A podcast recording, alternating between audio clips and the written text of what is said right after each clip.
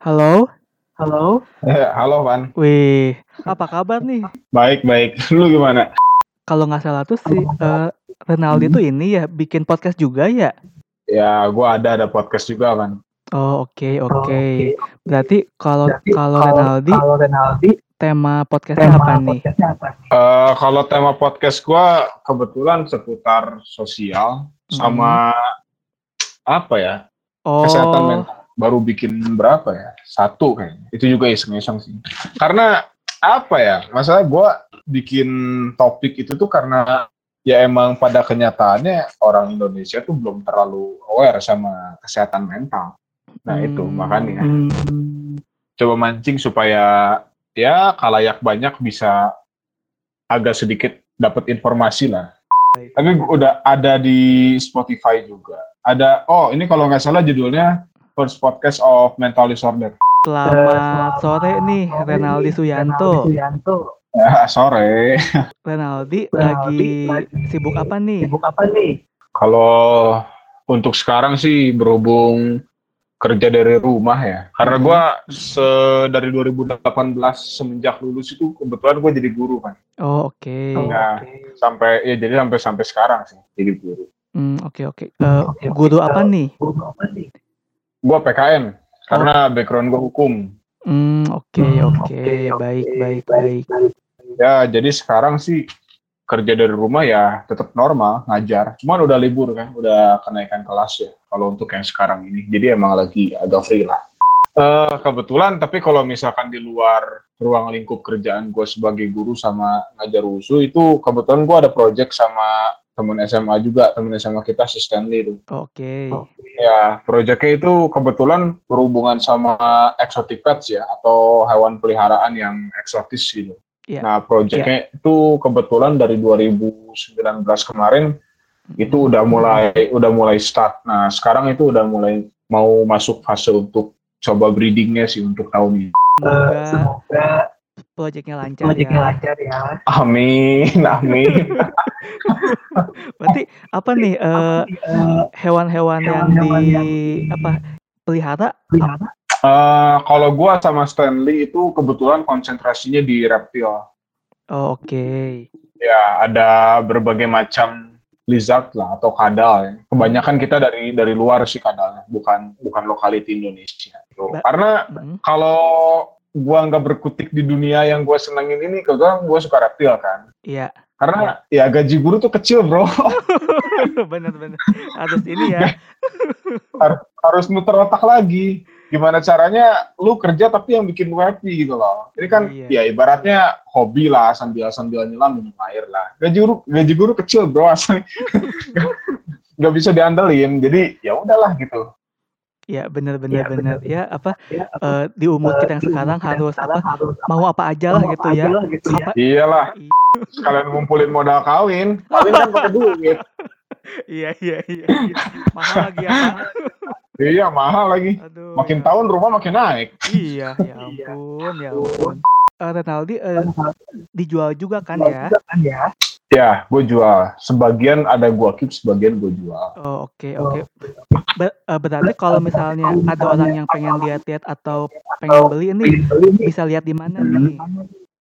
Eh kebetulan ya kita ada Instagram sih ya. Eh, namanya itu at reptilscare underscore Bandung. Nah, Oh, itu bisa dicari di situ. oh, Tokped juga ada di situ. ya apa? Ya, apa, eh, semoga semoga hobi yang eh, yang eh, apa apa reptil-reptil ini reptil bisa ini bisa mem- membuahkan hasil membuahkan ya. hasil ya. Amin, amin. Eh, apa? eh, siapa tahu eh, hobi ini Hobi ini bisa lebih tinggi dibanding eh, Ya, gaji guru ya. Iya. Harus. Oke, jadi jadi sore ini tuh sore kita ini mau kita ngebahas mau tentang tentang pelatih wusu nih. Hmm, oke, menarik. Ya. Berarti sejak Berarti kapan sejak nih kapan nih Renaldi Renaldi mulai tertarik mulai tertarik masuk ke dunia wusu nih gitu? gitu. Ketika mulai tertarik itu sebetulnya waktu kelas 7, Hmm, satu SMP. hmm, Ah, kan ada ekskul tuh kalau kita sekolah gitu kan Iya. di sekolah gitu nah itu ada ada ekskulnya Iya. ada ekskulnya oh ya bisa dibilang maksudnya agak nyentrik lah dibandingkan dengan school yang lain gitu kan. Ada ya kalau misalkan kayak basket, futsal itu kayaknya udah tahu gitu, udah kepikiran di benak gua tuh ya kayak gimana olahraganya itu udah tahu. Iya. Nah, ketika ada ada nama wushu, nah itu rada bingung, oh ini apa gitu. Ternyata setelah dicari tahu itu kan kungfu gitu ya. Nah, dari situ penasaran. Ya akhirnya kelas 7 itu join lah Hmm. Ekstrakurikulernya itu di sekolah. Sampai kelas 8. Kelas 8 akhir. Mm-mm. Nah, dari kelas 8 akhir ini barulah eh, fokus untuk ikut latihan yang rutin di perguruan. Nah, kebetulan perguruannya itu teratai putih dan latihannya itu ada di sekolah itu. Oh, oke. Nah, jadi ya udah mulailah ya kurang lebih dari berarti dari umur kelas 7 berarti kelas 7 itu umur berapa ya? 12 gitu kan. 12 atau 13 tahun lah baru start. Di umur yang sekarang kayak itu udah hampir 10 tahun juga berarti ya. 10 tahunan loh. Eh iya kayaknya ya. Kurang-kurang lebih segitulah. Karena ya dalam dalam latihan juga nggak selalu latihan full. Kadang ada waktu kelas 9 itu break dulu untuk UN gitu kan. Zaman kita kan masih ada UN tuh. Iya, benar. kelas kelas 12 juga 11 12 itu juga agak bolong. Karena ada eh, pelajaran lagi padat-padatnya sama ada ujian nasional juga. Hmm, oke. Gitu. Apa ya? Eh, Hmm. sebelumnya tuh aku mau nanya nih, kenapa kenapa Renaldi memutuskan untuk menjadi pelatih eh, wushu nih? Maksudnya kan berarti sebelumnya tuh eh, Renaldi tertarik untuk belajar. Nah, nah, sekarang memutuskan untuk menjadi pelatih wushu nih. Nah, kenapa bisa jadi pelatih gitu ya untuk sekarang ya? Se- sebetulnya ini tuh bisa dibilang nggak nggak nggak disengaja untuk jadi pelatih itu, karena waktu latihan itu sekitar tahun 2012 atau 2013 gitu ya, gue lupa. Itu pelatih kepala kita itu di perguruan kebetulan berpulang. Hmm, oke. Nah, nah dari situ kan otomatis itu eh, kepelatihan diambil sama senior kita kan. Iya. Nah, itu tepatnya itu di tahun 2014 atau 2015, 2015 kalau nggak salah. 2015 itu senior kita itu eh, ada harus ada ngambil S2. Dia dapat beasiswa untuk melanjutkan S2-nya itu ke Jungpo. Hmm, Nah, secara otomatis berarti itu ya turun ke kita-kita ini. Hmm, Kebetulan gua sama teman-teman gue juga ada lima orang lah, lima sampai enam orang gitu loh. Nah, dari situ eh diplot untuk ngelatih di sekolah, di perguruan juga. Ya, tapi untuk sampai yang sekarang benar-benar fokus bisa ngelatih itu cuman gua sama dua orang teman gua lah, bertiga oh, jadi bertiga doang untuk sekarang yang Oh. benar-benar fokus gitu loh ya Oh, oke. ya gitulah saya dibilang dibilang apa ya nggak ya ini nggak disengaja sih maksudnya tanpa di diprediksi atau tanpa terstruktur tiba-tiba emang keadaan yang mengharuskan gitu satu itu apa ya? Salah satu senior banget gitu eh, kan di senior. perguruannya ya. perguruannya ya. sebetulnya dibilang senior banget sih enggak karena masih yang temen gue ini masih ada yang lebih senior lagi Hmm, Heeh, latihannya jauh gitu. Tapi dibilang terlalu terlalu baru masuk juga enggak lah. jadi apa ya? Jadi apa Bisa ya? diceritakan nggak nih apa yang dilakukan, apa apa aja sih yang dikerjakan oleh pelatih wushu nih gitu. eh Oke, apa yang harus kita kerjain gitu ya? Kalau misalkan dilihat dari sudut pandang eh, seorang pelatih. Iya. Eh, ini dari sudut pandang pribadi gua. Nanti mungkin kalau teman-teman gua nonton akan ada berbeda pendapat, ya gua rasa itu wajar itu ya. Oke. Nah, eh pelatih. Jadi menurut gue itu pertama yang harus kita lakukan kalau kita jadi pelatih itu dalam ya ini bukan dalam musik doang sih sebetulnya konteksnya itu dalam seluruh olahraga tuh hampir sama sebetulnya. Iya. Eh, lu harus mendalami dulu eh ibaratnya harus tahu secara luar dan dalam murid-murid lu. Hmm. Nah, karena kalau misalkan lu nggak bisa paham secara luar dan dalam dari seseorang itu atau murid lu itu, lu nggak bisa nemuin komposisi yang pas buat ngebuat program untuk dia lakukan sendiri gitu loh. Oh, oke. Nah, itu itu yang pertama. Eh, yang kedua, jadi tugas pelatih itu sebetulnya lebih apa ya, lebih kompleks sih, karena harus benar-benar ibaratnya kalau ngebangun bangunan harus ada fondasi gitu kan. Hmm. Nah, fondasi yang pertama itu ya ketika lu udah mengetahui seluk beluknya dari murid lu itu sendiri, mulailah disusun gitu kan dari sikap atau mental. Nah ini penting untuk dilatih dulu. Jadi ketika seseorang atau nanti murid lu itu ada dalam keadaan down, dia bisa bangkit. Nah, jadi mentalnya itu penting gitu kan untuk dilatih. Nah, kedua ya barulah. Eh sorry ketiga. Ya kalau udah ketiga berarti udah mulai baru masuk program. Apa sih yang dia butuhin gitu loh. Terutama kalau misalkan di USU pasti ada kuda-kudanya dulu gitu kan. Step by stepnya dulu pel- pelenturannya dulu stamina-nya. Nah dari situ baru lanjut. Nanti udah beres stamina kuda-kuda dan lain-lainnya udah oke. Ibaratnya ada penjurusan. Hmm. nanti dia bakalan bisa cocok itu dimasukin ke aliran mana usunya. Apa tai chi atau ada Chinese kickboxingnya. Oh. atau atau ada aliran utaranya atau selatannya. Itu kan beda karakter semua. Nah nanti ya makanya kita benar-benar step by step dari awal. Itu dilihatnya nanti di akhir. Dia masuknya bakalan masuk ke mana. Gitu. Oh, aku baru tahu loh kalau ternyata wushu tuh ada apa ya? Ada cabang-cabangnya lagi loh. Ada karena ada ada banyak sebetulnya Berarti kalau kalau yang aku tangkap tuh berarti pelatih wushu tuh apa ya? Enggak cuma sebatas guru mengajarkan ke murid, tapi guru wushu tuh apa ya? Memiliki ikatan dalam lah gitu buat eh, sama murid-muridnya ya sebenarnya ya. Ya, karena elemen yang paling utama itu harus tahu antara satu dengan yang lainnya dulu. Oh, Jadi Oh. kalau misalkan semuanya udah tahu, ya itu bakalan sama-sama enak kalau untuk ngelakuin apa pun itu.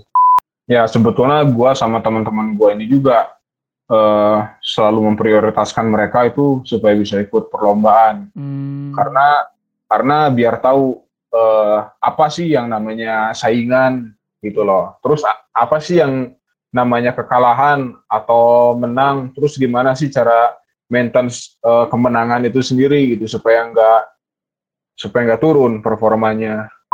hmm. Nah ya sejauh ini sih gue baru masih baru ikut tiga ya tiga turnamen ya kayaknya. Oh iya. iya. Seumur umur latihan Oh, juga. iya, Hmm, karena ya itu tadi waktu dari awal-awal pertama ikut emang nggak ada prioritas ke mana-mana gitu kayak cuman oh ya gue olahraga biar sehat gitu. Tapi Tapi kalau untuk murid-murid sih banyak lah. Oh gitu. Nah, ya, seenggaknya seenggaknya murid gue harus lebih banyak pengalaman daripada guanya dong gitu. Iya benar benar benar meneruskan ya. Iya, apa yang gua apa yang gak gue dapat murid-murid gue harus dapat gitu. Iya iya iya. Eh tapi kalau menurut aku sih Hmm. apa ya er- Renaldi udah mengikuti tiga turnamen juga maksudnya udah lumayan gitu maksudnya udah ada pengalaman lah ya gitu. Jadi apa ya berarti kalau Jadi, misalnya ya, ada berarti yang tertarik nih ada eh, yang aku pengen eh, eh, ikut aku wushu nih pengen gitu. ikut atau eh, gitu. ada keponakan pengen ikut wushu nih berarti bisa lewat ke mana nih? Atau bisa langsung menghubungi Eh, kalau misalkan kita juga kebetulan punya Instagram ya, ada @wusu teratai putih. Nah itu Oh. bisa dicari tahu infonya di situ. Terus kalau misalkan mau datang langsung nih, ibaratnya mau nonton latihan atau mau trial. Nah kebetulan kita itu ada jadwal di hari Sabtu jam 3 sampai jam 6 sore di Gamaliel di lantai Hmm. duanya. Nah, tempatnya itu di lantai dua. Nah, tapi berhubung sekarang lagi COVID-19, jadi semua kegiatan itu kita liburkan, tapi kita punya latihan dalam versi online sekarang. Jadi kalau misalkan masih ada yang tertarik gitu di luar sana mau ikutan, ya ayo kita bisa trial. Jadi nggak ada alasan buat nggak latihan gitu, walaupun di rumah. Mhm. Karena bisa kita pantau sekarang kan zaman udah canggih. Ada ada Zoom juga, ada Skype. Nah itu kita bisa pakai di situ untuk janjiannya, untuk trialnya. Gitu.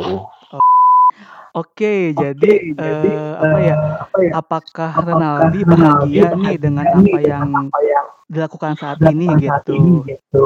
Eh, sebetulnya dibilang bahagia masih belum tercapai sih ya kan titiknya Oke. itu. Tapi dibilang bersyukur ya adalah pasti gitu kalau untuk bersyukur. Tapi kalau untuk bahagia sih belum, masih berproses, masih panjang lah ya sebenarnya Iya. jalannya itu. Iya, berarti Iya, apa ya, berarti apa ya, kalau jika melihat Renaldi di Renaldi masa di depan masa gitu depan kan, gitu mungkin kan, Hmm. 5 mungkin sampai 10 Ya. tahun ke depan tahun ke gitu. depan gitu, Eee, Hmm. apa ya, eee, apa ya, Renaldi bakal melihat Renaldi sendiri akan akan akan me akan melakukan apa atau menjadi apa nih gitu? tuh Yang pasti kalau gua pikir dan gua targetin ini nggak akan jauh dari apa yang udah gua lakuin sekarang. Oke. Nah, Oke. misalkan kalau untuk dari sekarang kan pelatih, ya itu of course lah, berarti masih untuk sampai kapan pun gitu, untuk ke depannya ketika masih bisa, masih ada kesempatan, ya oke, masih bisa dilakukan gitu tandanya kan. Iya. Nah, dari segi guru juga, ya meskipun gajinya kecil gitu ya Pak, tapi gue senang sama kerjaan ini gitu. Oke. Nah, ya maksudnya gue jadi biar tahu cara ngedidik anak itu kayak gimana gitu kan. Iya. Iya. Ah, nah itu ada poin plusnya dari guru di situ. Oke. Nah itu untuk ke depannya pun masih gue lakukan. Ya maka dari itu ketika emang menyadari bahwa gajinya itu kecil, tidak besar-besar amat, maka dari itu gue ada project sama temen SMA kita si Stanley. Oh. Nah itu jadi breeder. Iya. Mm-mm. Mmm. Ya pokoknya nggak akan jauh-jauh dari apa yang udah gue lakuin sekarang lah. Dan kebetulan juga ya ini untuk masa depan juga ya. Mhm, Eh, mhm. sekarang kan dari 2015 atau 16 gitu gue lupa. Gue kan mulai aktif di NGO Oh, uh, non non government organization itu untuk temanya lingkungan hidup pak. iya. Uh, ya gue pikir nggak akan jauh-jauh lah. Apa yang udah udah kita mulai sekarang ya apalagi di umur udah kepala dua gitu kan ibaratnya udah udah udah beres fase kuliah juga udah masuk dunia kerja Iya. jadi berpikiran untuk ke depannya ya itu develop mengembangkan apa yang udah kita dapat di sekarang ini gitu loh Aksi-aksi apa gitu? Aksi-aksi apa gitu? Dulu tuh aku sempat Oh. lihat gini, apa sih? oh iya ya gua itu ikut kalau waktu dari 2016 itu dari 15 atau 16 gue lupa Mhm. itu gua ikut eh, aksi kamisan Oh. Ya itu kan emang udah hampir berapa belas tahun aksi itu diadain kan untuk ya you know lah maksudnya Iya. kejadian Iya. kejadian 98 penembakan gitu kan pembantaian Mhm. terus juga ya kalau yang selama ini kita tahu tokoh HAM di Indonesia yang paling terkenal kan Munir Iya. ah itu kan maksudnya dalang-dalang utamanya kan belum ketangkep gitu loh nah aksi dari aksi kamisan itu tuh intinya menuntut lah maksudnya menuntut pemerintah itu supaya memperjelas siapa sih dalangnya dari pembunuhan ini semua dari aksi apa dari pembantaian ini semua. Itu tuh siapa gitu loh dalangnya. Itu kan masih belum terselesaikan dari berbagai dari berbagai eh, periode presiden juga itu enggak masih belum masih belum ada yang berani untuk menyentuh topik itu gitu loh. Hmm. karena kan sensitif. Ya padahal sih ujung-ujungnya orang-orang yang berkecimpung di apa ya maksudnya terlibat sama kasus itu tuh di balik pemerintahan semua sekarang Iya. tuh. Ya gitulah. Oke, oke. Oke deh ya, apa Oke, berarti eh, Renaldi ini ini ya bener-bener semuanya ya banyak banyak banyak yang dilakukan. Semuanya. Gitu. iya semuanya pak. Apa yang waktu apa ya maksudnya lagi ada waktu kosong bisa dilakuin ini ya udah lakuin aja lah gitu Iya. Apa ya, Kalau eh, apa kalau apa kalau kamisan gitu teh lebih ke kamisan apa lebih ya? ke apa ya Beban beban beban moral beban gitu moral sebenarnya gitu ya. sebenarnya ya ya karena ibaratnya menuntut untuk mengadili lah gitu lah biar ada keadilan Oh. tapi nggak melu nggak melulu soal ham kamisan itu oh. Eh, kamisan itu juga ngangkat-ngangkat isu-isu terkini lah kayak terakhir kan ada RUU KUHP Oh. yang yang sampai satu Indonesia demo gitu kan Iya. Heeh. terus juga ada Oh. pokoknya penu, kayak penurunan status cagar alam dan lain-lain juga itu diangkat semua di kamisan Oh. jadi isu-isu panas lah isu-isu Oh. panas global sebetulnya diangkat juga di situ Oke, berarti terima kasih banyak loh buat Renaldi Suyanto buat uh, sore ini sudah bergabung di podcast ini ya. Sama-sama, Van. Sama-sama. Uh, Semoga podcastnya juga ini loh uh, semakin aktif loh maksudnya. Ayo biar biar gue biar gue teman gitu re. Gue harus harus berguru dulu ini apa aja yang harus dibutuhin untuk memulai suatu podcast Oh ini. iya, iya. Oke, eh, Uh, jadi terima kasih Renaldi, dadah. kita nanti Bye bye. Thank you, Van. Oke.